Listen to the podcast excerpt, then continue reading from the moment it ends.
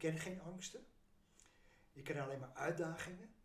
En uitdagingen zijn om op te lossen. Het zou toch niet zo zijn dat ik dadelijk een alleenstaande, verstokte man zou zijn die alleen maar aan de drank zit en sigaretjes loopt te roken. Dat zou toch niet waar zijn. En ik krijg bij de psycholoog niet rond. Dus ik zei tegen hem, nou ja, dan ga ik wat anders doen. Ik ga dus ayahuasca doen. Hoeveel pijn kan een mens dragen? En ik wil die pijn niet meer hebben over het verleden. Ik wil het verleden terugzien als een mooie reis. En waarvan ik de foto's zie en een regenbui mag de, de, de pret van de reis toch niet verpesten. Ayahuasca gaat niet over materiële vragen, dat gaat over spirituele vragen in je leven. Je pijn, je geluk, uh, waarom ben ik hier, wie ben ik? En heb vertrouwen in je lijf.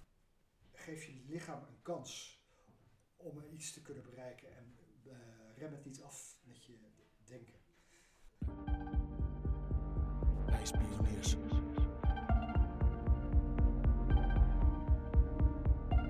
Reispioniers. Ja, ja, ja. Beste reispioniers, we zijn weer uh, bij een nieuwe podcast aanbeland. En vandaag zijn we bij Ernst thuis. En daar ben ik hartstikke blij mee, want Ernst heeft een heel mooi verhaal. En dat is een uh, verhaal over zijn uh, ayahuasca-ervaring. Hallo Ernst. Hoi, leuk dat we elkaar ontmoeten. Ja, want ik ken jou via mijn vader, hè, Peter? Ja. En um, hoe kennen jullie elkaar? Uh, via mijn uh, diensttijd.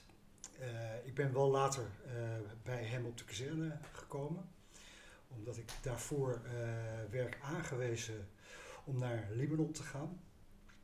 En wat ik dus niet wilde. Dat is, de anderen waren vrijwillig gekozen. Of tenminste, hun eigen keuze om vrijwillig te gaan. En ik werd dus ertussenuit gehaald van jij gaat daar ook heen tegen mijn wil in. En het geluk was dat er een andere vrijwilliger op stond uh, op het laatste moment. En zo werd ik overgeplaatst naar de kazerne van jouw vader. Okay, en uh, jouw vader was iemand die ook binnen het uh, geheel eigenlijk een autonoom persoon was, zoals ik zelf ook ben. Juist. Dus daar hebben we elkaar echt in kunnen vinden. Jullie herkenden dat in elkaar en dachten van hé, hey, ja, dit is eigen wereld. Ja. ja. En jullie zijn elkaar blijven uh, ontmoeten. Met een paar gaten erin, maar we hebben elkaar weer gevonden. We hadden vergeten elkaars adressen uit te wisselen bij het verlaten van onze diensttijd. En in het vak van jouw uh, vader als glazenwasser in Amsterdam kwam ik hem toevallig tegen, omdat ik onder zijn ladder doorliep. En naar boven keek van, oh jee, komt die emmer niet op me af. Ben ik voor hip? ja, ik hoorde hem al praten op de heenweg hier naartoe. Mijn vader is ook mee. En uh, die vertelde dit stukje van het verhaal al. Vanuit zijn perspectief overigens. ja, leuk. We gaan het vandaag hebben over jouw uh, ayahuasca-ervaring, hè? Ja. Dat was afgelopen oktober. Klopt. Kan jij voor die, voordat we daar uh, verder op ingaan, iets over jezelf vertellen? Wat voor persoon je bent? Oei, dat is een goede vraag. Wat voor persoon ben ik? Uh, ja, wat ik al net zeg, ik ben vrij autonoom. Uh, mijn hele leven heb ik een behoorlijk verbeeldingskracht, een grote fantasie. Dus ik uh, creëerde mijn wereld wel om mij heen, met vriendjes om mij heen toen ik nog jong was. En ja, een vorm van vrijheid die ik kende omdat ik opgegroeid was in een bos, een rijke omgeving. En die vrijheid werd abrupt onderbroken door een uh, vechtscheiding van mijn ouders. Oké. Okay. En dat deed nogal wat met je? Dat deed heel veel. Daar was ik uh, door geblokkeerd geraakt op mijn school. Dat hadden ze gezien.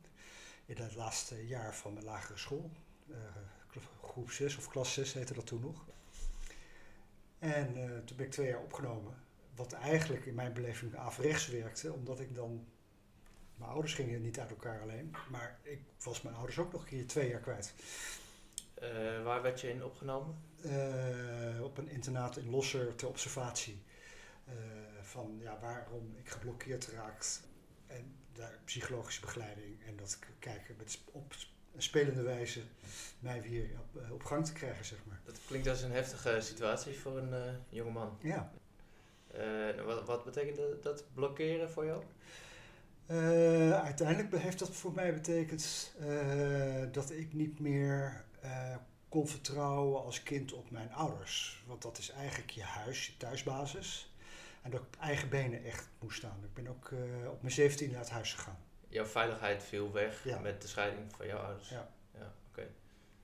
En eh, in het voorgesprek noemde je zelf al een, eh, een self-made man. Ja. Dat komt hier dan misschien vandaan. Dat komt daarmee vandaan, omdat ik ook nog een keertje daarnaast eh, zwaar dyslectisch was. Door dus dat ik na die observatie van twee jaar weer terug werd gezet in groep 6. Toen was Ja. ik opeens niet meer 12, maar 15. Dan loop je ook naast het spoor van al je vrienden die je kwijtraakt. Dus dan moet je echt je eigen weg gaan eh, zoeken in die, in die chaos die om je heen is. Eh, ja, en dat heeft mij zelf meegemaakt. Ja. Dus dat vormt je dan ook behoorlijk eh, in Ja. die periode. En toen heb je dus een diensttijd gehad. Dienstplicht heb je. Dienstplicht, Hè, De ja. oudste zonen, hè, de oudste zonen van het gezin gaan Ja. in dienst. Nou ja, daar moest ik op een gegeven moment de laatste drie maanden van mijn dienstplicht eh, in de Libanon gaan dienen. Omdat een bepaalde sergeant mij niet mocht, die heeft mij aangewezen van jij gaat daarheen. Eh, Ja. Tegen mijn wil in. Nou, dan heb ik eh, echt tot hoog tot laag heb ik alles in beweging gezet en duidelijk gemaakt dat ik dat niet vrijwillig wil. Dus ik was e- eigenlijk de enige niet-vrijwillige in de groep vrijwilligers. En dat werd gelukkig bij tijds nog gezien voordat ik eh, het vliegtuig bijna opstapte en daarvoor de trap weg werd getrokken van er is iemand anders. Ja, ja, ja. En zo kwam ik jouw vader tegen. Je zegt er waren een aantal vrijwilligers, behalve jij. Ja. Ehm, wat was voor jou eigenlijk de grootste reden dat je het niet wilde? Ehm, omdat ik weet, eh, ja, gewoon, ik heb ouders die eh, de oorlog hebben meegemaakt. Hè, mijn moeder heeft in het kamp gezeten. Eh, hij heeft twee verschillende oorlogen. Het Jap-oorlog, zeg maar, Indonesië. Ja. En de Tweede Wereldoorlog in Nederland. Eh, mijn ouders, beide, hebben een bepaalde beschadiging daarvan opgelopen.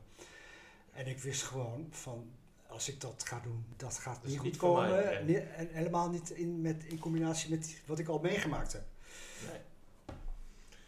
Nee. Dus je koos voor jezelf. Ik koos heel erg voor mezelf. Ja. Ja. Wat eh, belangrijk is in het leven. Nou ja, ik heb de jongens teruggesproken van mijn kamergenoten die wel gegaan zijn. Ja.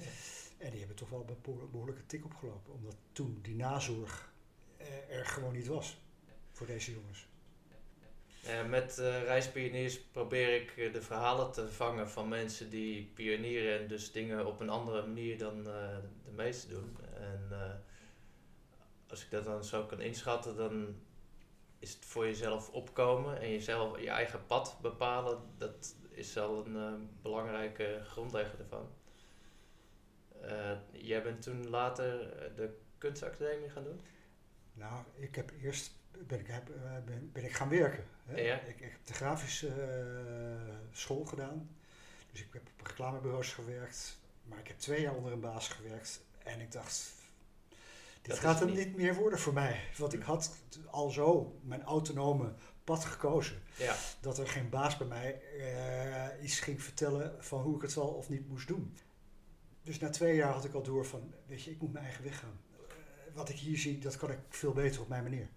En zo ben ik eigenlijk voor mezelf begonnen. En Dat mijn eigen pad zo gekozen. eh, ja. opgepakt. Ja. En later pas, toen ben ik dus, eh, dacht ik van ja, nu loop ik eh, vast zeg maar, in mijn groei. Hè, want eh, creatieve vrijheid is een vrijheid. En als je belemmerd wordt in je creatieve vrijheid of je mist bepaalde gereedschapstukken om die vrijheid voor je te creëren, dan, ja, dan moet je wat gaan doen. Dat is, heb ik het Rietveld gedaan. Dus overdag had ik mijn bedrijf en s'avonds ging ik naar school. Met het gevolg dat ik drie uur per nacht sliep, want ik had ook nog een dochter. Dus je ging overdag werken van 9 tot 5 tot 6 uur. Je ging eten, je dochter naar bed brengen. Die ging dan eh, als klein kindje van eh 1, 2, 3 eh, om 9 uur voor 9 naar bed. En dan ging ik daarna naar school. En dan kwam ik om eh 1 uur, 2 uur eh, thuis. Dan ging ik wat huiswerk doen. En zorgde dat ik weer 's ochtends om 9 uur op mijn werk was. Dat klinkt als een heftige periode. Ja, En daar eh, is dan ook het een en ander eh, uitgekomen, begreep ik. ja eh, het was een opleiding eh, vijf jaar. En toen was ik eh, niet geslaagd. Dus ik moest nog een jaar. Eh, en ik dacht van, nou, dat trek ik niet meer. En toen heeft eh, zo een goede vriendin uit Amsterdam, die ook de Rietveld heeft gedaan, die heeft me nog over de streep getrokken. En toen ben ik heel diep gegaan, heb het laatste jaar. Heb ik toch gedaan en gehaald. En zelfs eh, eh, genomineerd voor de eh, Aluminium Award, want ik had een heel mooi object gemaakt. En dat is een bekende award van de Rietveld. begrijp Nee, nee, nee, het is van, van de aluminium. ja, god, het zit in Eindhoven. Nou, ik weet niet, een soort stichting die alles wat in ontwikkeling wat betreft aluminium is. En die, die ge- geeft prijzen uit. Ah. nou, en ik had een project wat dus ja, heel bijzonder was. En dat is ook eh, in Duitsland op de expo geweest. En ik werd in Nederland ontvangen met een groot feest. Allemaal leuk, leuk, leuk. Het feest was afgelopen. Toen stortte ik letterlijk helemaal bom naar de grond. Zo. Vijf dagen geslapen, vijf kilo afgevallen. En daarna kwam ik niet meer tot mijn energie. En dat was hoe lang geleden? Dat is in 2008. Dat is in 2008 Ja, geweest. Ja, Dus En toen dacht ik van, ja, Ondertussen toch al wel weer even geleden. Ja en ik dacht van ja, maar weet je, het leven moet toch een feestje zijn. Je moet toch... Ik was gewend gewoon iedere dag, iedere eh, dag van yes, van we, we kunnen weer werken, we kunnen weer leuke dingen creëren. En nu stond ik op van, oh, ik moet me, hoe sleep ik me door die dag heen? Ik denk, dit gaat hem niet worden. Dat klinkt als een behoorlijk verschil. Ja. Ja. En toen kwam iemand naar me toe die zegt van, eh, ja, ik was daarvoor ook naar een huisarts gegaan, eh, bloedonderzoek laten doen, er kwam er allemaal niks uit. Totdat ik iemand tegenkwam die marathons liep en zegt, je moet gaan lopen, want dan maak je een stofje aan in je hoofd en daar word je helemaal blij van. Ik denk, nou, dat ga ik doen. Dus ik heb marathon eh, gelopen. Eerst eh, kwam ik naar, had ik net een blokje van twee straten gedaan, en lag mijn tong al op de straat. maar goed, na een Zo jaar... begint dat, ja. Zo begint dat. Ja. Na een jaar liep, eh, lopen heb ik de Dam tot Dam loop eh, kunnen lopen. En toen bouwde ik dat op naar halve marathons en naar marathons toe. En het maakt inderdaad, als je dan 's ochtends eh, liep, maakte hij inderdaad een bepaald eh euforisch stofje aan. Ik weet niet meer precies hoe het heet. Waardoor je inderdaad je heel lekker in je vel voelde. Nou, ik denk, dit is het hè. Ja. En mijn energie kwam redelijk alweer terug. Tot begin 2014. En toen zakte ik door mijn rug. En ik ging naar de huisarts. en Die zei, oh, je hebt een spiertrauma, hier heb je een pijnstiller. Nou, dat ging Ja. weer goed, prima. Dus ik in de zomer weer marathonnetjes loop. Totdat ik weer eh, in september 2014 weer door mijn rug ging. En eh, nou, zegt de huisarts, kom maar om eh 12 uur. En ik was, dat was ochtends dat het gebeurde. Ik kwam mijn bed niet uit.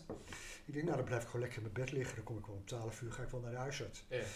Dus ik ga om 11 uur mijn bed uit eh, met pijn en alles. En ik denk, nou dan moet ik even naar het toilet. En, even, en dan ga ik naar de huisarts. Maar dat toilet dat ging ook niet door, dat feest. Ik moest wel, maar er gebeurde niks.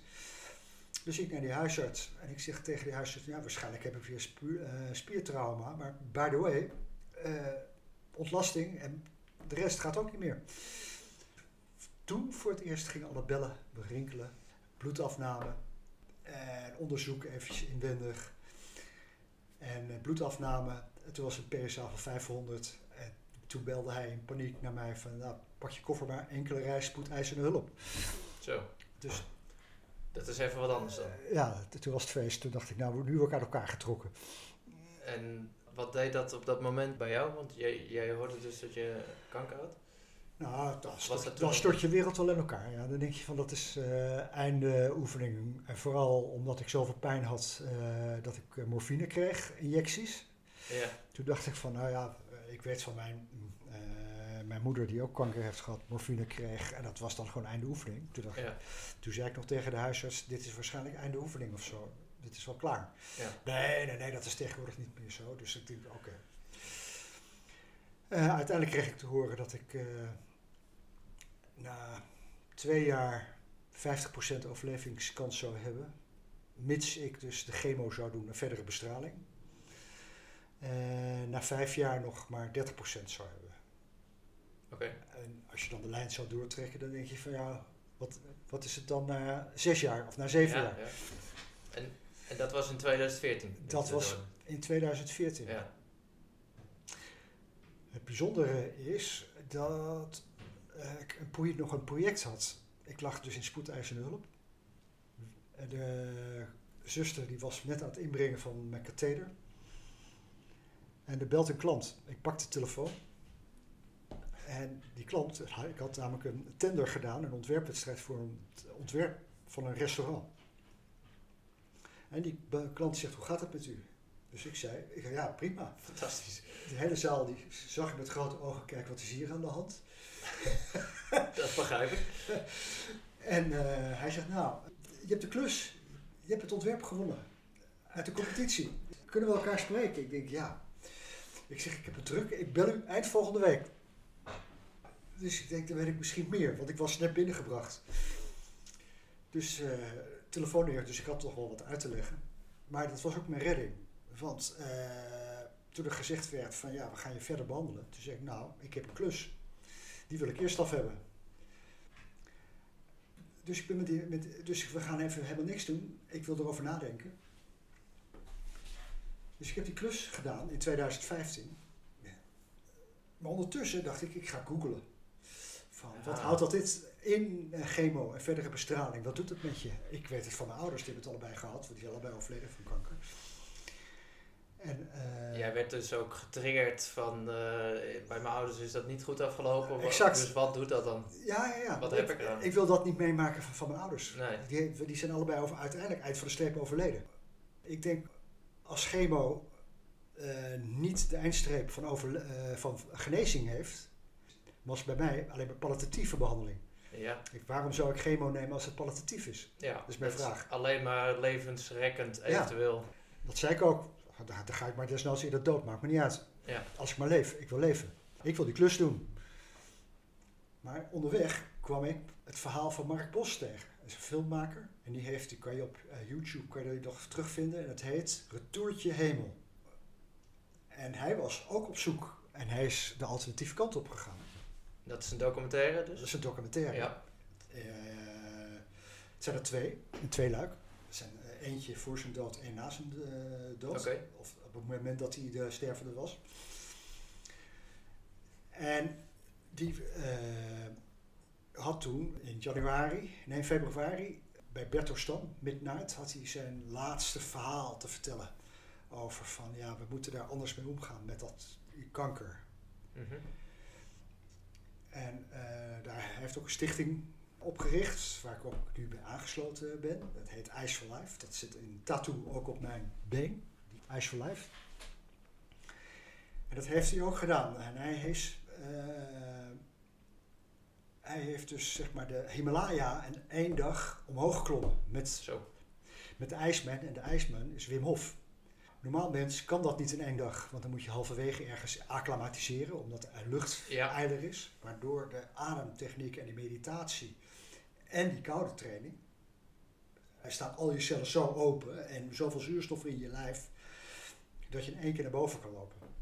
En toen dacht ik, wacht even, ik moet het helemaal anders gaan doen. Dat kwam als een inzicht gewoon naar binnen? Of, was je al een tijdje aan het twijfelen? Of, hoe- hoe- Nou ja, ik had die twijfel en ik, de- ik denk, ik wil kwaliteit. Ik zoek Ja, kwaliteit. ja. Weet je, eh, toen mijn energie naar beneden ging, was mijn kwaliteit op dat moment de marathon. En nu was dit mijn nieuwe eh, doel. Was gewoon, ik, eh, ik, eh, ik moet dit gewoon gaan doen. En ik heb eh, daarnaast ook wel andere dingen geprobeerd, maar uiteindelijk ben ik, eh, heeft mij eh, zeg maar dat echt dat winterzwemmen, eh, hè, mijn warme kraan is er ook afgeschroefd. Ik doe ze elke dag koud. Alles Je kon niet in de verleiding komen. niet in de verleiding komen. Dus elke dag koud, ieder, de hele jaar door, buiten zwemmen. Hè, Afgelopen winter was het ijs, kon je schaatsen. Nou, ik heb een wak gemaakt iedere dag. Hup, erin. Zo. En iedere dag sta ik, word ik echt letterlijk aangezet. Ik voel gewoon dat ik aan word gezet. En ook die meditatie die je erbij doet. En eh, ja, misschien is het Etopio, maar daar ben ik gewoon mee bezig. Als ik mezelf zou kunnen genezen, waar ik dus denk van ja, volgens mij kan, kan dat. En ik voel mij nu ook vele malen beter dan in 2015. Ja, en dat is toch alweer zeven jaar geleden Dat natuurlijk. wil ik zeggen. En, eh, Terwijl de vooruitzichten een stuk eh, pessimistischer En, waren. en mijn medicatie is helemaal terug, steeds minder. Oké, En mijn PSA is super laag, ja. 1,7. Ik denk, nou, welke man heeft dat? Ja, inderdaad. inderdaad. Dus er is duidelijk iets goed gegaan. En En, eh, als het aan jou ligt, dan, ben ik er eh, over tien jaar nog. dan ben je er over tien jaar nog. Maar dan eh, ligt het ook aan, eh, eh, vooral aan de, de Iceman eh Het is methode. een mindsetting. Ja, Het is ook een mindset. Je moet eh, wel 101% erin geloven. En je moet Ja. ervoor gaan. Je moet, wat, het is geen trucje. Nee, het is geen trucje. Het is Nee. eh, eh, het koude water ingaan. Eh, ook met je, hè, ik ga met mijn hoofd en alles in de, in de kou. Ik was me er helemaal in de kou. Ook 's winters. En ook die ademhalingsoefening. Het is, je moet echt heel erg in die meditatie kunnen gaan. Je vertrouwen in je lijf hebben. En dat je ook met die, vooral met die ademhalingsoefening, dat je echt je cellen ingaat, tot celniveau gaat denken. Dat je je T-cellen, echt je hele immuun, ja, eh, aanwakkert en meeneemt zeg maar, naar de plekken waarvan eh je denkt van oké, daar moet, daar moet Ja. iets gebeuren met je lijf. Ja. Je, je voelt ook je hele maag erop reageren als je dat goed doet. En je voelt je tenen zelfs tintelen. En het geloof in je lijf, dat, het lijf kan het. Kijk, je, je korte termijn geheugen zegt misschien, ja, eh één, koud, eh, vervelend, ik doe het niet, eh, spannend.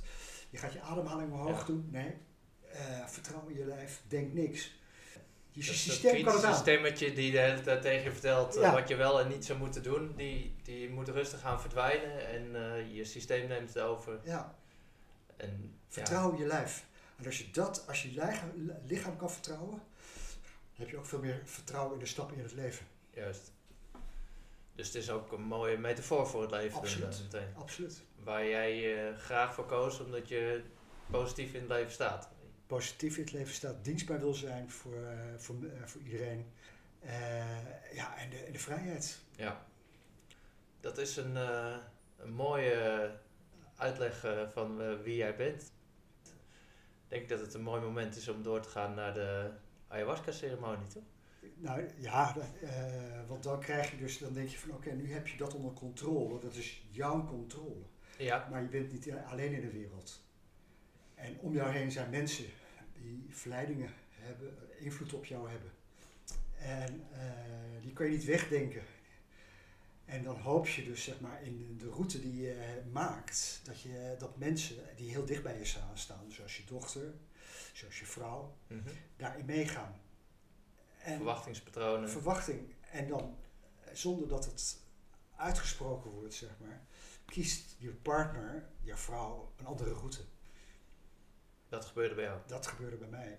En eh, waarvan ik dus hoopte dat zij meeging in de, zoektocht naar kwaliteit van leven. En waarvan de dingen waar, wat ik heb moeten laten liggen door, eh, ja, je kan kanker ziekte noemen, ik noem het niet geen ziekte, eh, wat niet eh, geneest. eh, Hoe noem je het wel? Hoe noem ik het wel? Eh, ja, ik vind het geen, eh, een ziekte is iets wat van buitenaf komt. Eh, dit is een storing in mijn, in mijn systeem, wat door, waarin mijn immuunsysteem zeg maar in gefaald heeft. En mijn immuunsysteem heeft waarschijnlijk gefaald door stressfactoren van buitenaf. Ja. Of wat ik mezelf opgelegd heb toen met die avondopleiding. Weet je, dat ik te veel... eh, Te lang, te veel. te lang te veel... eh, Te, te weinig naar je lichaam op de tenen heb gelopen eh, en te weinig rustmomenten Ja. heb genomen, waardoor dit gebeurd is wat nu gebeurd is. Daar heb ik geen spijt van, maar het is wel gebeurd. Nee.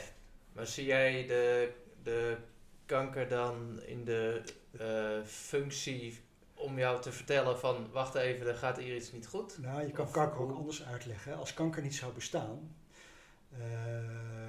kunnen er dus allemaal ontstekingen ontstaan in je lichaam. Net als zeg maar nu de COVID een soort ontsteking is, waardoor jij eh, last krijgt van je longblaasjes. Waardoor je minder. eh, het- veroorzaakt gewoon ontstekingen. Ja. En eh, de T-cellen, je immuunsysteem, moeten, die moeten dat aanvallen. Die moeten Ja. dat allemaal weer repareren. Je moet op een goede manier erop eh, reageren. Als de T-cellen dat niet doen, dan is er een ander weefsel die dat doet. En dat is dan toevallig kanker. Dus een soort Ja. wildgroei.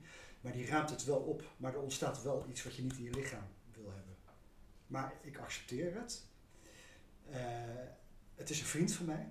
En dat heb ik geleerd van een eh, boeddhist. En een boeddhist was een, kan ik ook een heel verhaal over vertellen. Eh was een, jongetje, eh, zeven jaar. En zijn vader was boeddhist. En hij was een angstig jongetje. Hij was heel bang voor dingen. En dat had hij last van. Hij wilde niet bang zijn. En hij dacht van, nou ja, als ik nou eh, kan mediteren, net als mijn vader, dan kan ik misschien die angst overwinnen. Ja. Dus hij durft, dacht, ik ga het aan mijn vader vragen, maar ik durf het eigenlijk niet, want daar ben ik gewoon te bang voor. Maar hij had wel tegen zijn moeder gezegd van, kan ik dat aan papa vragen? Van, eh, mag ik uh, mediteren? Want hij, hij dacht, misschien word ik afgewezen of ik nog te jong ben. Had die moeder achter zijn rug dat aan zijn vader gevraagd. Van, goh, laat die jongen even mediteren. Hè, want die Ja. wil die zo graag. Dus op een gegeven moment was hij bij zijn vader ter voorbereiding om het te vragen. En eh, die vader doet een eh, hand over zijn schouder. Jongen, eh, zou jij dat leuk vinden om te kunnen me- medit- mediteren? God, dacht de jongen. Dat heeft mijn moeder dus aan mijn vader gevraagd. Dat wilde ik zelf. Dat was mijn Ja. eerste overwinning van mijn angst. Maar ja, als ik nu nee zeg, krijg ik nooit een kans. Dus hij heeft ja gezegd. Dus hij ging ook mediteren. Dus hij mediteerde. En op een gegeven moment eh, dacht hij, oké, ik mediteer nu. Van angst, ga weg. Angst, ga weg. Maar angst bleef. En hij oefende maar. En op een gegeven moment, die angst die bleef, eh, kwam steeds sterker terug. En op een gegeven moment, angst, ga eens nu weg. Ja, maar angst kwam. En hij ging op een gegeven moment wanhopig naar zijn vader. Pap, ik mediteer dat de angst weggaat, maar angst komt steeds sterker terug. Nee, zegt die vader tegen zijn zoon, dat moet je niet doen. Want je wil hem weg hebben. Het is, het is je vriend. Beschouw als je vriend. Het hoort bij je angst. Dus hij eh, mediteert, dus dat angst zijn vriend is. Nou, hij zegt, op een gegeven moment was mijn angst daadwerkelijk mijn beste vriend geworden. En weet je wat er opeens gebeurde? Ging mijn vriend weg. ja, de energie transformeert, Ja. waardoor het los kan laten. Dus toen dacht ik, Dat is een mooi, mooie metafoor. dus je moet, je moet het niet als je vijand zien, maar zie het als je vriend. Het is, ik ben kanker. Het, het, gebeurt in je eigen lichaam. Ja. Dus eh, dan ga je een soort van zelfhaat promoten Ja. als je je kanker, als je je Ja. vijand ziet. Dus ik ga het ontarmen, maar ik ga wel met mijn T-cellen er naartoe om te zeggen van oké, Ja. ik wil jou wel eh, terugbrengen naar, het even kan, niks. En misschien gaat die vriend weg. Ja, En eh, ja, ik, in feite, we praten er wel over, maar ik denk er nooit over na, eigenlijk. Ik voelt sta- je niet ziek in Nee. de zin mentaal, zeg maar. Nee, totaal niet. Mentaal ben je zo gezond als het maar kan zijn. Ja, Ja, dat maar is eh, ik ben wel super bewust van iedere dag die mij gegeven wordt. En ik geniet daar weer helemaal van. En ik denk van, ja, ik ben er, weet je. Ik, ik kan dingen weer aanraken, ik kan mensen zien, ik kan dingen weer creëren. Ja, de dankbaarheid benoemde je net Ja. al. En dat brengt een hele hoop waarschijnlijk. Ja, nou ja, dan krijg je dan je, je vrouw, dus die die andere pad kiest. Die eigenlijk zonder woorden, zeg maar, eh, mij creëert tot haar vijand, zeg maar. Waarvan ik denk van ja, maar die stress die wil ik er niet bij hebben. Dus ik ben zelf uit huis gegaan op een boot. Gaan, eh, ik heb een boot waar ik eh, op ge- gewoond heb, twee jaar. Want stress in combinatie met mijn kanker, eh, ja, is geen goede combinatie. Dus ik, dus ik ben al, twee jaar lang in, die strijd, dus wat mijn vrouw nou wilde, ben ik op de boot gebleven totdat uiteindelijk de strijd beslecht is, zeg maar, via, helaas via de advocaten en rechters. Maar goed, ik kan er nu mee leven. Ja. En dan op een gegeven moment kom je in een soort leemte van, ja, maar waarom is dit gebeurd? Waarom is het zo gegaan? Waarom eh, hebben we daar En eh, wanneer is dit afgelopen? eh, in mei 2021, Oké, ja, we zitten nu in februari 2022. ja, bijna een jaar geleden. Ja. En dan zit je in, eh, in je huis, waarvan je dochter niet meer thuis woont, want die woont uit huis, je vrouw er niet meer is. En eh, dan denk je van, ja, en wat is het leven nu? En waarom is het allemaal zo gebeurd? En wat heb ik gemist? En eh, waarom ben ik zo'n vijand, hoewel ik haar nog nooit iets aangedaan heb, niet geschreeuwd, niet geslagen. En ik denk, ja, ik moet daar vanaf. En dan ga je naar een psycholoog. Er kwamen gedachtegangen in je hoofd die je niet meer uitkreeg. Nee. Dan ben je boos, je bent teleurgesteld, je bent teleurgesteld in jezelf. Hè? Wat, wat heb ik zelf niet gezien of fout gedaan? Want dit was, ik wilde eigenlijk, het was kaarsrecht Eigenlijk wat, wa- wat ik voor ogen had. Mijn ouders waren gescheiden, vechtscheiding. Eh, mijn vrouw heeft toen nog vriendin zeven jaar moeten wachten voordat ik ja zei. Omdat ik zeker wilde weten dat dit de vrouw van mijn leven zou worden. Ik dacht van, ik wil niet meer meemaken. En zeker niet als ik een kind heb, wat ik heb meegemaakt van mijn ouders. Dat Nee. komt niet terug. Het is zelfs mijn dochter geweest die zei, pap, je zit in een herhaling van je opa. Van je opa. Ja, van, mijn, van haar opa, van mijn haar, vader, van ja. mijn vader. Want zij wist wat ik toen als kind mee had gemaakt. En wat ik niet wilde, is gebeurd van mijn, drie, van mijn twee broers. Ja. Degene die het meest vastliep, was ik, van mijn twee broers. En wie maakt weer een vechtscheiding mee? Dat was ik. Ja. Dus ja, dat knaagt wel s'avonds aan je hoofd. Van, why? Dus alles wat je probeert te voorkomen in je Is leven, gebeurd dat gewoon. komt alsnog. En dan denk ik, wat heb ik gemist in het leven? Wat heb ik niet geleerd waarom ik dit weer op mijn pad komt? Juist. Wat heb ik dan eh, niet gezien toen? Met die vraag ging je naar de psycholoog. Ja, En wat kwam daaruit? ja eigenlijk niks. Want ik, was, ik ben, een, eh, zoals ik nu praat, gewoon een, eh, een blij, euforisch mens. Ik ben geen, weet je, ik zie, ik ken geen angsten. Ik ken alleen maar uitdagingen. En uitdagingen zijn om op te lossen. Ja. Dat is mijn hele vak. Eh, weet je, ik ben ontwerper, ik ben eh, kunstenaar. En eh, weet je, als het, als het er niet is, dan maken we het. Dan zorgen we dat het er is. Dan creëren we een omgeving dat het gewoon kan. Ja. En ja, en als, als je zo in het leven staat, dan zegt de psycholoog, ja, maar ja, ik ga het zelf wel redden. Dat komt wel goed. Komt wel goed. Ik denk, ja nee, maar er zit een molletje in mijn hoofd iedere avond. En dat molletje krijg ik niet uit mijn hoofd. Dat draait steeds. Weet je, ik heb sinds die, eh, dat mijn partner uh, Schever schaats twee jaar geleden, dus voor de scheiding eh schaatste. Eh, ben, eh, ging ik iedere avond drinken uit de, uit de stress en ik begon te roken weer. Oké. Ik was gestopt met roken, omdat ik kanker had. Ik ging door de stress weer roken. Twee jaar gerookt, twee jaar gedronken. En dat was ook niet weg. Ik denk, het, het zou toch niet zo zijn dat ik dadelijk een alleenstaande, verstokte man zou zijn die alleen maar aan de drank zit en sigaretjes loopt te roken. Dat zou toch niet waar zijn. Dat Dus was niet tegen- eh, toekomstvisie die jij in je hoofd had. ja, ja, maar ik denk, dat gaat niet gebeuren. Nee. En ik kreeg bij de psycholoog niet rond. Dus ik zei tegen hem, nou ja, dan ga ik wat anders doen. Ik ga dus ayahuasca doen. Want daar had je al eerder van gehoord. Ja, ik had begin van mijn ziekte, 2000, eh, nou ja, 2014 ben ik dus eh, is diagnose geweest. En eh, ik vertelde dat pas aan een van mijn huurders, die in mijn pand, waar ik mijn eigen bedrijf ook had, een ruimte huurde, een reisorganisatie. En die man die woonde, organiseerde reis in Peru, in Mexico, daar in de binnenlanden.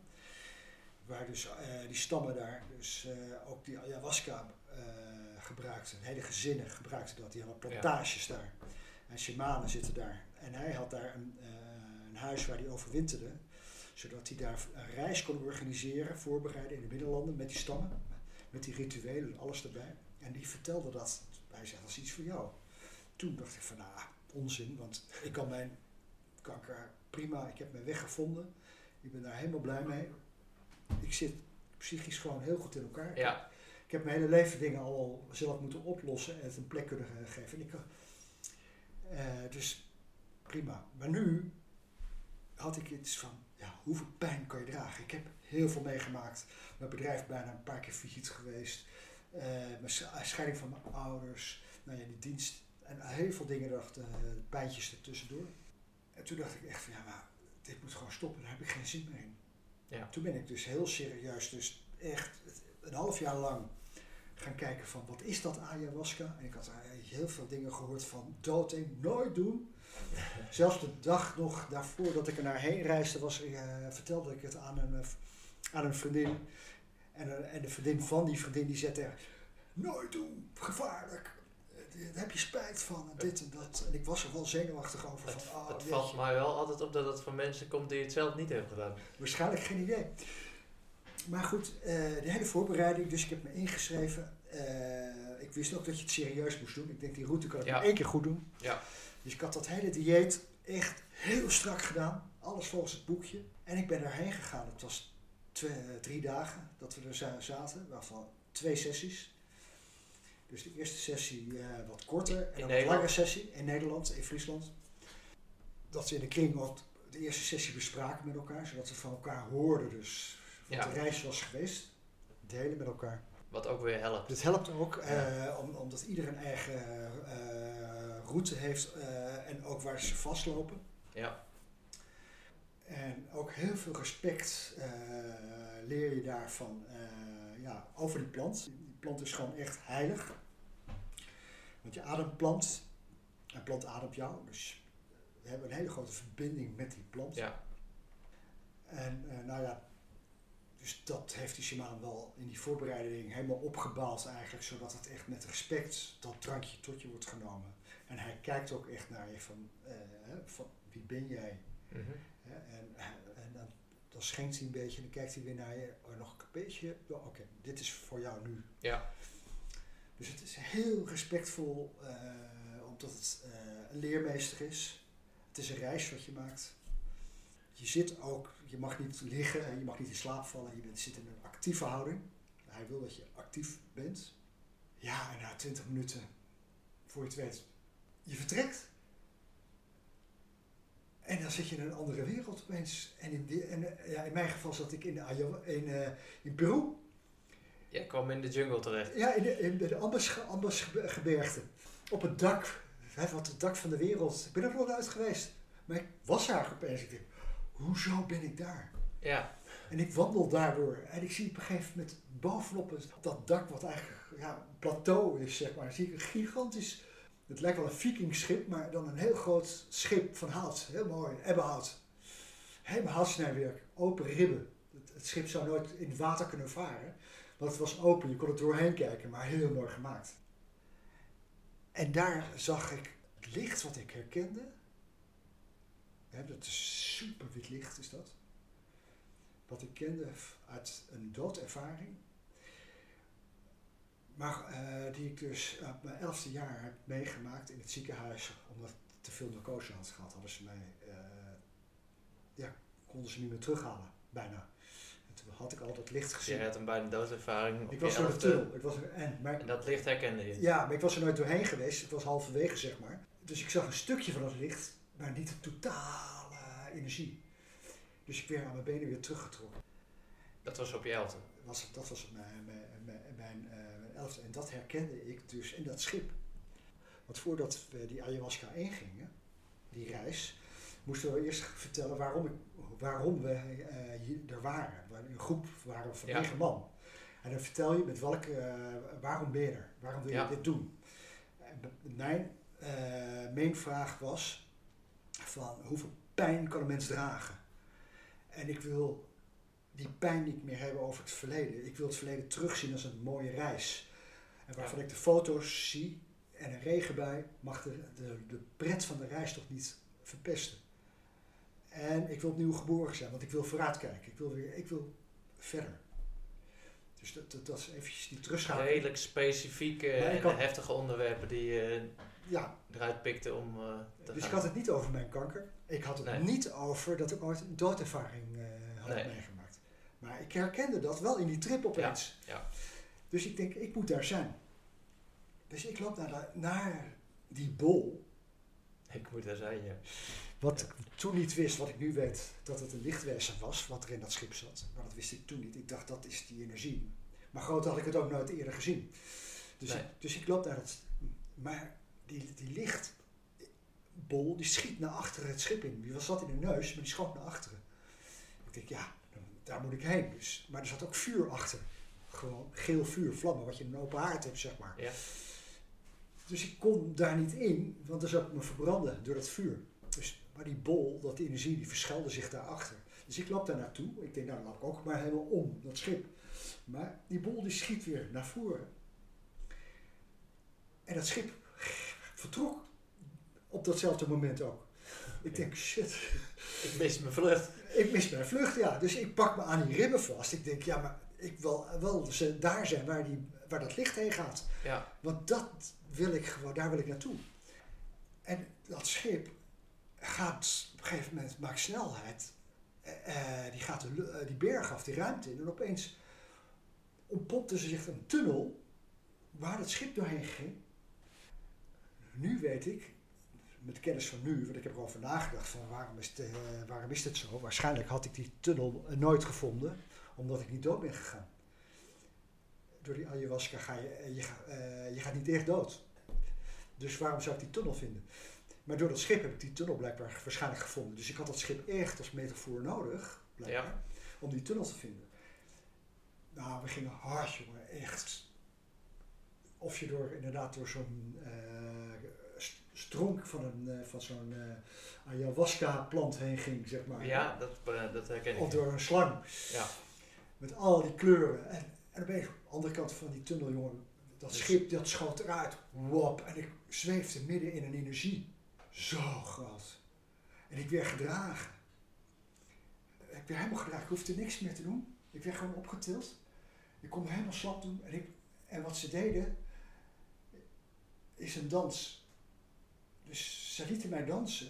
Ik deed het niet zelf. Want ik ben, eh, ik ben aritmisch. Ja. Ik kan helemaal niet dansen. Ik heb nooit gedanst. ik kan niet eens een trommel, eh, triangel eh, op een ritme krijgen. Dus amuzikaal. Maar goed. eh, En ik zag op een gegeven moment tussen mijn vingers gewoon alle dieren, de vogels, de kleuren. Muziek op de achtergrond. Zo, engelen jongen, zo mooi. Ik denk, wauw, wat is dit Ja, gaaf. ja, ja. En ik riep het blijkbaar, dat wist ik dus niet, dat hoorde ik achteraf ook zo uit. Wow, wat een feest is dit, wat een feest. Maar op een gegeven moment, in die dans, werd ik op een gegeven moment naar een kaart geleid. En die lag daar op een tafel, een blauwdruk. En dat blauwdruk ging over alles, alle lichtwezens, die dus niet wist dat dat, dat alle zielen, dus alle lichtwezens, hoe je het ook noemt, die hebben hun eigen, dat zeiden ze ook, van dit is het plan wat ieder lichtwezen die op aarde komt zelf heeft bepaald. Bij het begin, voordat je geboren werd, werd jouw pad en ik zag mijn pad opeens. Wop, heb je zelf bedacht. ja. Dus Zelf ik zag al die pijnpunten, al die dingetjes, eh, die voor mijn hele leven tot nu. Hij zegt, dit heb je al, al overwonnen. Dit is allemaal voorbereiding geweest. Heb je zelf gekozen. Jij kan die pijn aan. Ja. Nou, ik zeg, dat geloof ik niet. Hè? Ik zeg, hiervoor ben ik er. Hij zegt, dat ga ik je nu laten zien. Dus ik werd in een kooi gedouwd. In een kooi, zo'n middeleeuwse kooi eigenlijk. En ik werd naar beneden getakeld. In het vuur. Maar vuur van verdriet, teleurstelling, onmacht. Nou, bedenk het. Niet van gebroken botten, maar psychische pijnen. En je hoorde de geluiden van die pijnen. Die was in een soort hel beland. Ik dacht dat het niet bestond. Ik denk, ja, dat is natuurlijk een leuk fabeltje van de katholieken. Onzin van, niemand gaat naar de hel, onzin. Ik geloof nog niet in die zin erin zoals de katholieken dat geloven, maar toen dacht ik, er bestaat wel blijkbaar een soort Je vuur eigen pijn. hel kan natuurlijk bestaan. Dus die pijn bestaat, ja, die hel bestaat dus. Ja, Die hel, precies In wat je zegt. Ja. En ik kwam, en ik kwam daar eh, weer uit. En ik, Wauw, ik heb het overleefd. Ik ben er nog. Ja, je kan het dragen. Je kan het dragen. Ja, je kan het dragen. Wauw, dankjewel. Dankjewel, dank je. Dus ik heb ze bedankt. Ik zeg, de, eerste reactie was, ik ben verslaafd aan pijnen. Geef, geef al die pijnen maar. pijn van de wereld op je Ja. leven. Kom maar, ik hou ervan. Kom met die pijnen naar me toe. Ik denk, wauw, wat gaaf. Ik kan het dus. Nou, ik vind echt cadeau. Ik was euforisch. Dus dat zorgde voor een verschuiving in perceptie Ja. ten opzichte van de pijn die je eerder in je leven hebt eh, Ja. meegemaakt en gevoeld. Het is allemaal weg. Het is, ik, eh, dus in die gesprekken ook heb ik al gezegd, ik kan nu weer, ik kan terugkijken. Weet je? Maar en, dat- er, en er was ook één jongen, eh, die was eh 25. Hij zegt, ja, maar eh, ik heb alleen maar zwart gezien, ellende. En ik kwam er niet doorheen en ik werd angstig. En ik, iedere keer kwam ik er weer uit. Ik durfde me niet los te ga- gaan. Ik zeg, je moet juist er doorheen. Ja, Want ik zeg, want achter die pijn, achter dat zwart, daar zit het feest. Want hoe meer pijn je kan dragen, hoe groter het feest. En dat feest is de liefde die je ervoor terugkrijgt. De schoonheid zit daarachter. Dus die tweede sessie, dus, eh, zijn we, er- hebben we elkaar ontmoet. in de trip. Ja. Wauw. Ja, dat was ook super gaaf. Maar toen kwam ik op een hele andere. eh, Toen was, de reis totaal een andere reis weer. Ja, want je hebt die eerste sessie dan gehad. Ja. En dan ga je het bespreken met elkaar, Ja, neem ik aan. ja, Dus dan eh, leer je wat van de trip van je buurman, eh, van de reis van je buurman. En, en je kan dat een beetje naast elkaar leggen. Ging dat goed? Was dat mooi? Was dat... Nee, dat was heel leerzaam. Maar er waren ook voor die, de, mijn buurman, inderdaad, die had ook mijn buurman. Twee eh ernaast, die, eh, had bij het begin, de beginvraag, ik hoop dat het goed gaat met mijn bedrijf. Nou, die heeft daar geen antwoord op gekregen. Maar toen dacht ik, ja, maar dat zijn zo'n materialistische vragen, die moet je niet stellen. Bij ayahuasca gaat niet over materiële vragen, dat gaat over spirituele vragen in je leven je pijn, je geluk. eh, waarom ben ik hier? Wie ben ik? Wat is mijn bo- boodschap? Eh, ja, nou ja, hè, wat is mijn plaats in deze wereld? Eh, nou ja, dat soort vragen, algemene vragen. Wat- Ja, hij pakte een redelijk oppervlakkige laag eh, waar hij de ayahuasca mee instapte. En dan krijg je ook geen antwoord over natuurlijk. Nou ja, het begin realiseerde ik dat niet, maar daarna realiseerde ik dat wel. Omdat mijn, eh, verhaal, dit, wat ik eh, bij met die trip zo meer duidelijk had gemaakt. Want ik heb dat hele verkeer gezien van al die eh, lichtwezens tussen de aarde. Want de aarde is helemaal niet blauw, zeg maar, in die spirituele wereld. In die, in die wereld is de aarde, zeg maar, een soort migma-achtige, ja, zeg maar lava-achtige korst, een beetje een, een donkere bol helemaal niet zo blauw als, het, eh, als, we, als wij het zien. Het, het- in de spirituele wereld is het een hele andere kleur. En, eh, en je ziet ook die, dat die, in die blauwdruk hoe dat netwerk, hoe dat verbonden is, hoe wij eigenlijk allemaal aan elkaar geknoopt zitten. Als een net, had ik nooit gerealiseerd. Je kan het als een groot visnet zien en ieder knoopje is een eh, sprongetje. wat wij nu doen, heeft invloed op alle dingen die om Zeker. ons heen gebeuren. Zeker. En met die gedachte denk ik, ja, maar daar hoort dit soort vragen Dat heb in. jij dus op een hele mooie visuele manier Ja, hebben kunnen ervaren, waardoor je heel veel dingen nu in het dagelijks leven een plek hebt kunnen geven. ja. En, ik, en weet je, ik heb er nog, ik, nog steeds, maar eigenlijk de eerste twee weken daarna, nou, zat ik echt tussen hemel en aarde. Ik kon eh, geen geluid en geen televisie zien. Dat, weet je, het was allemaal zo ver van me weg. Ik was zo in die andere wereld. Dat Ik begrijp echt bijna elke ochtend dankbaar geweest en gehuild, zeg maar. Van dankbaarheid. Ik ben nog steeds dankbaar dat ik het heb meegemaakt. En de, de reis die je hebt meegemaakt, die heeft dus heel veel invloed gehad op, op jouw perceptie van, van je verleden.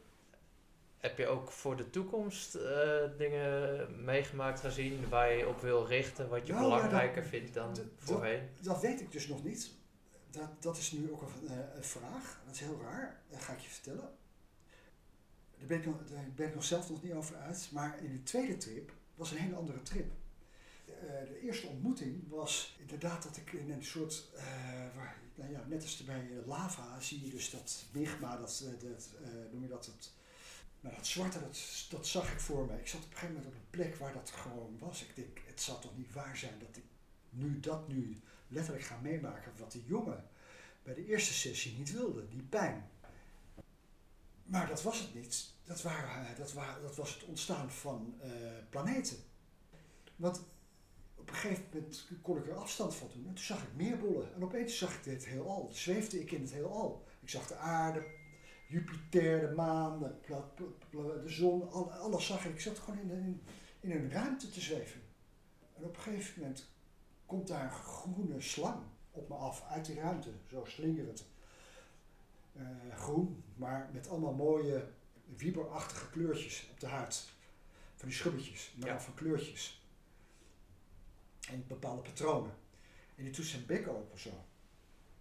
En die bek was ook groen met al wat mooie patronen. En ik kijk zo die bek in. En ik duik zo voorover, zo. De bek in, die Ja, slang in. ja, ja. En ik ga door die slang in. En ik vloep is er staart eruit. En dan was ik aan de rand van het heelal. Maar aan de ene kant zag ik de verte, dus het heelal met al die planeten en die st- sterren en de zonnestelsel. En op een gegeven moment zie ik aan de randen zie ik allemaal stof. Allemaal. En aan de andere kant keek ik in leegte. Eindeloze leegte. Niks. Gewoon nul. En dan komt er opeens een schip aan. Een groot schip. Met allemaal glasmozaïeken. Heel mooi gekleurd ook helemaal verlicht. Een gigantisch schip over mij. En onder het schip zit een hele groot eh, gat. En dat schip dat zakt over mij heen. Waardoor ik dus in dat gat terecht kom. En ik kon zo eh, dat gat uit, zo op die vloer klimmen. Dus ik ga op die vloer. En ik zie daar dus een, eh, een soort boeddhistische tempel. Met, met de shaman in het midden. Met allemaal helpers en een hele groep mensen. En ik mocht dansen. En ik voelde opeens al die pijnen van die mensen. Dus ben ik daar gaan, gaan dansen. En dat was op het moment ook dat die jongen mij dus eh, ontmoette ook. En die zag al die kleuren door mijn vingers heen gaan en, en de dieren en alles. En ik voelde al die pijnen en, en iedereen kotsen. Ik heb niet gekotst, niet één keer, gek genoeg. Maar al die kotskamer en ik voelde dat gewoon. En ik zat te trekken, jongen, of het een een of andere frat was die ik eruit moest trekken. Wat niet lukte, dan ging ik weer daarheen en op een gegeven moment kreeg ik hem er wel uit. En dan woep, kwam alles eruit en huilen en weet ik veel. Dus het was een hele mooie sessie. En toen ontdekte ik dus dat ik al die pijnen kon voelen en aankon. En ik, dus ik vroeg van, ja, hoe doe ik dat? Ik zeg, ik spiritueel, snap ik het nu? Hoe ik het moet doen. Maar ik zeg, in de fysieke wereld, geen idee. Daar heb ik geen antwoord op. Hoop ik nog te krijgen. Blijkbaar, eh, want ik ging nog naar de shamaan. Mag ik nog een slokje? Kreeg ik niet. Want ik zeg, ik moet mensen helpen. Hij dacht, het is voor nu is het goed. Ja. Hij zegt, hebt genoeg mensen geholpen. En daarna, wat ik dus niet wist, dus dat wist ik pas thuis. Ik heb geen sigaret meer aangeraakt. Niet over nagedacht. Ik heb geen fles wijn aangeraakt. Niet meer over nagedacht. Geen behoefte meer aan. Nul. Dus zou je dan mogen stellen dat eh, de leegte die je via eh, de drank en sigaretten wilde vullen, dat die gevuld zijn op Ja, dit moment? ja. Het is Dat gewoon weg. wel, eh, geen verslaving, geen behoefte, geen aandrang. Dat is wel heel En het molletje is weg. En ik denk, ik kan het een plek geven. Ik kan erover praten zonder dat het me direct raakt. Dat zal een hele opluchting zijn. Ja, ik denk, weet je, een beter medicijn bestaat gewoon niet. Het is zo mooi waarvan ik denk van ja, ik moet nog wat antwoorden hebben. Maar ga ik het nog een keer doen? Misschien over een jaar. Ik ben, ik, ik, dit is zo'n ervaring. Ik denk, Maar- dit ga ik nooit meer eh Mijn- overtreffen. Ervaring is, en ik heb het ook eh, met veel mensen besproken, ik heb het nu eh, vijf keer gedaan. Pas op het moment dat je weer het gevoel krijgt van dit wil ik weer doen, dan gaat het weer rollen. Voor die tijd Nee, heeft geen behoefte, zin. hoeft het ook helemaal niet. Nee, Je moet niet gaan denken, oh misschien is dat wel goed voor me. Nee, je voelt het direct als, Ja. het, als het weer eh, een plek voor als, jou als in je het leven kan krijgen. weer benauwd gaat worden, dan zal het waarschijnlijk het moment. Of met andere redenen kan het ook zijn. Maar Weet je, en die shamaan die zegt, je hebt geluk gehad. Ik, en ik dacht, ja, maar hoezo geluk, weet je. En, ik denk, ja, misschien omdat ik er zo open voor stond. Voor mij was het eigenlijk een enkele reis. Ik denk, ah, kom ik hier nooit meer uit? prima. Prima, weet je, Ja. dan ben ik daar. Ja, dan ga je er wel heel open in. Ja, Want dat is het probleem die veel mensen hebben. De controle moet je naast je neer kunnen leggen. Dat en, zei als dat niet lukt, Ja. dan blijf je heel lang in vervelende stukken hangen. Wat waarschijnlijk jouw buurman dan Maar ik was- heeft. zo fysiek daar, Ja. dat ik uiteindelijk, ik lag ergens helemaal andere, in een andere hoek van de zaal. Want ik heb daar gedanst ook letterlijk. Ze zeiden op een gegeven moment, heb je dat geen spierpijn? mogelijk. Ik heb acht uur lang gedanst. Wist ik helemaal niet. Ja, ik wist dat ik gedanst had. In de eerste sessie wer- werd er voor me gedanst. Dus Ja. dat hoefde ik zelf niet te doen. In de tweede sessie heb ik het wel zelf gedaan, was korter. Maar de eerste sessie heb ik bij. Ik had helemaal geen spierpijn, omdat het voor me gedaan werd. En dan heb ik een vraag die eh, eh, vaak bij mezelf terugkomt. Er wordt vaak gezegd van die, die andere wereld, eh, de ayahuasca-wereld, die voelt op een bepaalde manier echter dan het leven hier eh, op aarde. In verhouding lijkt dit juist de droom in plaats van daar. eh, hoe heb jij dat ervaren? Is het echt? Ja, ja, het is echt. Eh. het, voor mij is het echt. Ik heb eh, toevallig laatst een eh, eh, filmpje gevonden, eh, van, ook van een eh, eh, monnik. Eh, ik weet niet hoe die, eh, hoe die heet, ik zou het moeten opzoeken. Eh, die had het over ik. En dat zegt hij dan in het Engels, I. En dat vind ik veel mooier woord, I, omdat I ook eh, staat voor het oog. Er zit oog en ik in. Oké, ja, ai. En, eh, En ehm, een I is niet je ego, maar eh, je zijn, je, eh, je stem. Je, je eigenlijke ik is niet je, eh, je, materiële ik. het is niet je naam, het is niet je. Nee, het is een stemmetje in je. Het is je gevoel van waarden en normen die je jezelf, eh, je mag er zijn. Ja. Gevoel van ik, eh, I ik, heb de- ik, heb, ik heb deze weg gekozen. ja, En eh, als je naar die spiritualiteit durft te gaan van wie ben ik, kom je zeg maar in je, eh, eigenlijk in je, heel dicht bij je eigen energie. ja, Dus het lichtwezen. En het lichtwezen heeft maar één doel, weer terugkomen naar het universele licht. Dat, dat is een magneet, daar wil je weer naartoe. En daarom is, daar hoor je ook te zijn. Eh, maar kijk, mijn eh, main vraag is, eh, is waarom is dat grote energiedoel, wat, wat is dat doel samen? Hè, want dat, dat, dat het hele totale energie is eigenlijk de totale perfectie. En daar zijn wij allemaal een onderdeel van. Wij samen, daar zijn wij continu verbonden met elkaar. mhm. Alle- Alleen dan kunnen we die perfectie, maar we moeten wel open blijven staan voor die verbondenheid. De- Dus als je in je ei kan komen en ook in je resonantie. En je kan die resonantie voelen en connecting met de resonantie van een ander, die op jouw level zit, dan krijg je alleen maar blijdschap. Dat is lekker. En, en het zien en het AI is namelijk, die wereld is echt. En ik vertelde al hoe de wereld vanuit die spirituele, hoe deze wereld eruit zag uit die spirit. Het is er omdat jij het gekozen hebt dat het er is. Je wil de ervaring meemaken. Ja, jouw pad. Daarom is het er. Het is, op het moment dat jij hier weg bent, is het er niet meer. Nee, het is ter ondersteuning van het pad die jij af Ja. wil hebben. Dan, dat maakt ons lichaam als een soort avatar Ja, van onze ziel. ja. Het, is, eh, het, het bestaat in de gratie AI. Mooi. Ik ben de, de laatste keer was twee weken geleden. eh, ben ik met twee vrienden van mij eh, heen geweest. En wij merkten toen dat de, de groep, het groepsgevoel in die groep, die was vanaf het begin super fijn. Waardoor ik ook merkte, want ik, ik heb het meerdere keren gedaan, dat eigenlijk iedereen, ook de mensen die er nog weerstand tegen hadden, die raakten er makkelijker in gedurende het weekend. Doordat je door de groep gedragen werd. Alles mocht er zijn, iedereen mocht open zijn. Klopt. Hoe heb, hoe heb jij dat ervaren? Absoluut, we waren allemaal zusters en broeders. En omdat je je heel kwetsbaar tegelijkertijd opstelt, eh, laat je iets eh, zien wat je eigenlijk in het dagelijks leven niet laat zien. Hè? Klopt. Dus al je chakra's gaan open.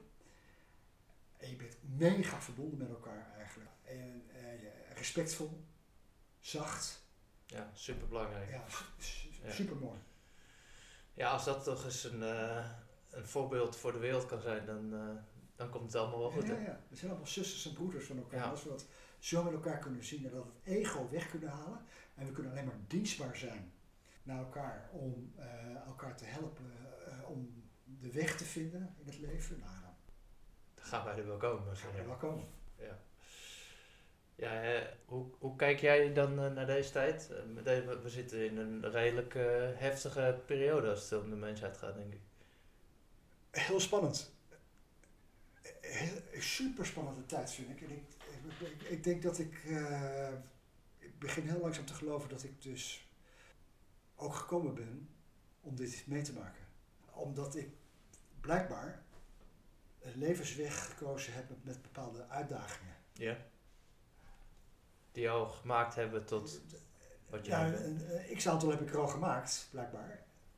En ik heb nu ook eh, wel geleerd dat, weet je, eh, ze kunnen mij beschadigen, maar ze kunnen mijn lichtwezen niet beschadigen. Nee, En dat is wel een lekker gevoel. juist.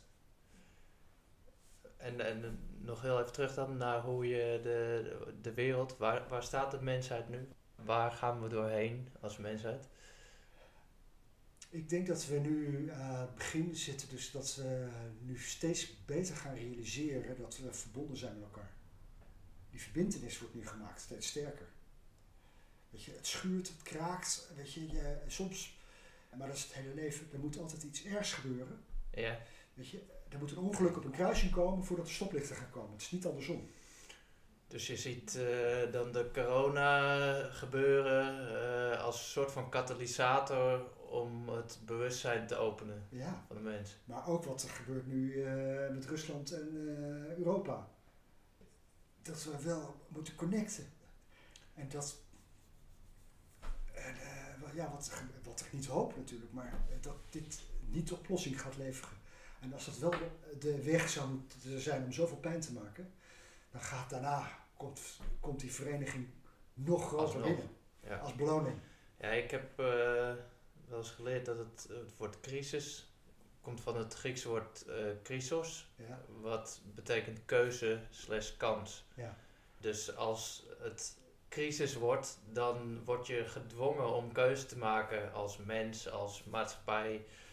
En dat kan zowel de juiste kant opvallen als de verkeerde kant opvallen. Maar het, het is een kans om dingen anders te gaan doen. Want als, als je leventje lekker gaat, heb je weinig, weinig reden om iets te veranderen. Je weet Als wat het je minder hebt. gaat, Het is moeilijk. Je weet wat je hebt, je weet niet Ja. wat je krijgt. Weet je, toen ik ziek werd, kanker had, Ja. heb ik gestopt met mijn bedrijf. Ik kon geen grote projecten meer doen. Ik had eh, ontwerpen waarvan ik ook de aannemer was van mijn eigen ontwerpen. Bouwprojecten waarvan ik onderaanneming aannam per project op projectbasis. Ik had soms eh 10, 20, 30 man op de vloer waar ik verantwoordelijk voor was qua planning, budgettering, eh, realisatie, Ja. kwaliteit. Dat kon ik gewoon niet meer doen. Eh, ik had niet meer de energie. Nu heb ik mijn werkplaatsje, ben ik in mijn eentje gewoon klusjes aan het doen bij klanten. In mijn eentje gewoon. ja. Geen onderaanneming, geen eh, grote projecten meer. En toen dacht ik, ik word hier zo blij van. ja. Dacht, dat had ik tien jaar eerder moeten doen. Wat mooi, de realisaties. Ja, Maar dus ook bij jouw eh, kanker eh, was de, de crisis die ontstond, die bood een kans om dingen anders te gaan doen. ja maar waardoor Zonder die crisis had je het misschien nooit gedaan. Nee, het was, want het plan was dat ik dit bedrijf wat ik had, ontwerpstudio, tot de dood zou doen. Weet je, Ja. was ook een roeping. Ik, als ik aan het ontwerpen was, jongen, dat was, ja, dat was in een wereld van mijn eh, creatie. Vond ik zo geweldig. En, en eh, heb je nu een visie op de toekomst of eh, leef je het bij de dag vooralsnog? Nou, ik, ik durf nu sinds een, twee jaar, durf ik weer langer te denken naar volgend jaar. Dus ik denk nu, plannen van, eh, nu, en nu zou ik denken van wat ga ik richting eind van het jaar. Juist. Langer, vroeger da- dacht ik tien jaar vooruit, nu denk ik een jaar vooruit ongeveer. Maar wat we streven nu is, eh, wat ik doe, is, eh, weet je, wat ik vandaag doe, daar ben ik blij. En als ik mijn dag kan afsluiten en ik de dingen gedaan die ik gedaan heb, dan ben ik een blij mens. Eh, en wat niet vandaag kan, dat doet, ik heb dat moeten leren. Dus ik, vroeger hield ik drie ballen omhoog, nu één bal. En ik heb ook iets wat vandaag niet lukt, komt morgen wel. Morgen is een nieuwe dag. En niet van, vroeger werkte ik, denk ik, ik heb, eh, geef me 's ochtends een opdracht, ik moet dat, dat en dat doen. En dan ging ik net zo lang door dat ik dat, dat en dat ook gedaan had. Al ging ik tot 12 uur door, maakt er niet uit. Ja. Maar nu heb ik iets, ik doe dat. En eh, dat misschien. En einde van de dag had ik alleen maar nog dat één gedaan. En dat twee eh, is me niet gelukt, jammer. Dan maar niet. Dat maar niet. Nee. Ik ben wel blij dat één gelukt is. Ja. Het is een heel anders leven. En eh, hoe- voelt dat in verschil? Ja, zalig, zalig. Weet je, de een- het enige stipje in de toekomst wat ik heb daarnaast is uh, mijn ouders die gescheiden, vechtscheiding, ze hebben elkaar nooit meer gezien. Het bijzondere is dat ze een week na elkaar overleden zijn. Oké, okay, is inderdaad bijzonder. En, uh, dus ik, we konden met mijn broers na de dood van mijn ouders het woord ouders weer uitspreken. we hebben dat uh, 40 jaar lang niet kunnen doen. Dat was het of mijn moeder of mijn vader. En nu konden we na de dood opeens weer, dat realiseerden we. En daar werden we emotioneel van, van jeetje, die scheiding is klaar. Er is geen scheiding meer. Nee, inderdaad. En uh, waar wilde ik ook weer naartoe daarmee? Dat was ik even kwijt. We hadden het erover uh, dat dingen niet meer moesten, dat je het. Oh ja, dat was het. Nu is mijn enige toekomststipje, want mijn moeder was 65, mijn vader was 70 overleden, vrij jong. Als ik die nog voorbij, uh, voorbij zou kunnen gaan. Als ik de 70 voorbij zou kunnen gaan. Ik, ik, ik, toen ik kanker kreeg, toen dacht ik, het zal toch niet waar zijn dat ik eerder ga dan zij. Inderdaad. Dat is mijn uitdaging. En voor de rest denk ik, als, je, ehm, als ik mensen, ik anticipeer op de dag. Uh, de ene dag heb ik meer energie dan de andere dag. Als ik mensen kan helpen gelukkig maken met de dingen die ik met mijn handen kan maken, wat zij niet kunnen maken. Ja. En ik doe het bij particulieren, soms met een particuliere opdrachtgever samen. Soms zijn, zijn we met z'n tweeën een plank aan het vastschroeven. En hij leert van mij. Hij vindt het uh, Ik heb een klant die wil, wil, ook handig worden. En hij leert van mij. Dus ik ben zijn leermeester. En hij ziet hoe handig ik alles doe. Ja, en als dat is ik, mooi. En als ik zo iemand gelukkig blij kan maken, ja. zelfstandig daardoor. Dat is hartstikke mooi. Ja, en ik heb nog een andere. Die stuurt steeds foto's op. Van ik heb dit gedaan. En dan uh, stuur ik weer een berichtje terug. Van nou, ik zou dat en dat en dat zo en zo en zo doen. En dan ben ik leermeester op afstand. Nou, helemaal prima. Ja, helemaal goed. Ja, daar heb ik uh, super blij van. Ja, dus dat, uh, dat geeft het gevoel waar je op dit moment naar op zoek bent. Ja. ja. en nu doe ik voor niks, er wordt niet eens voor betaald. Een grafmonument mag ik maken.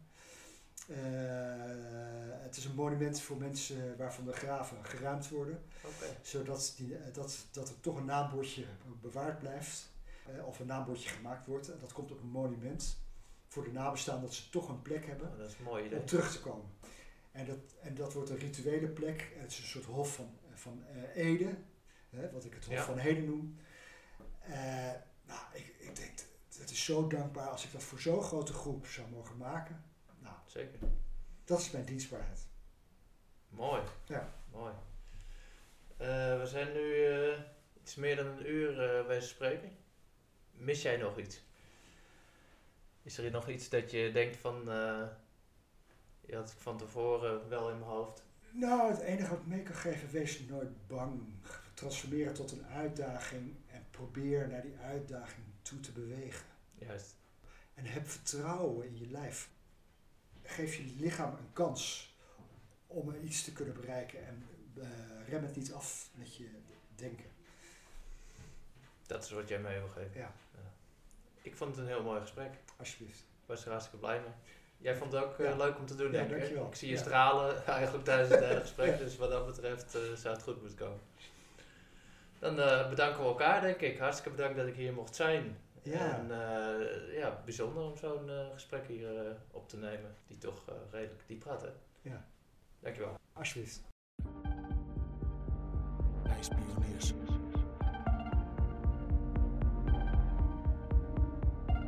IJspioniers.